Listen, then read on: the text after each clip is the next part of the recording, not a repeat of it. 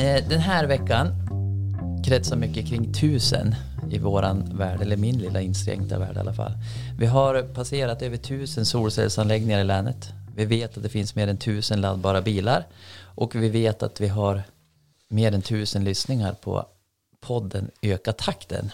Och det gör mig väldigt glad. Idag är det dags för avsnitt nummer sju i den här poddserien som vi på Region Jämtland här i idag producerar.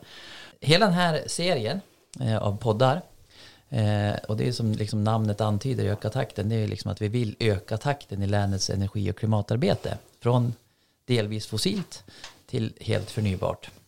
Och transportsektorn är ju ett, en eh, väldigt stor del av det. Eh, där vi liksom vill att det ska gå fortare. Och samtidigt så vill vi också lyfta fram att det här är en god affär för företag och privatpersoner. Och ni, när man läser på er hemsida Marcus så ser man att ni skriver mycket om det här. Eh, och jag antar att ni inte bara gör det av klimatskäl, jobbar med liksom övergången till förnybart. Nej, det är klart att det är en mix, dels ansvarstagandet men sen är det ju även eh, affären på, på sikt.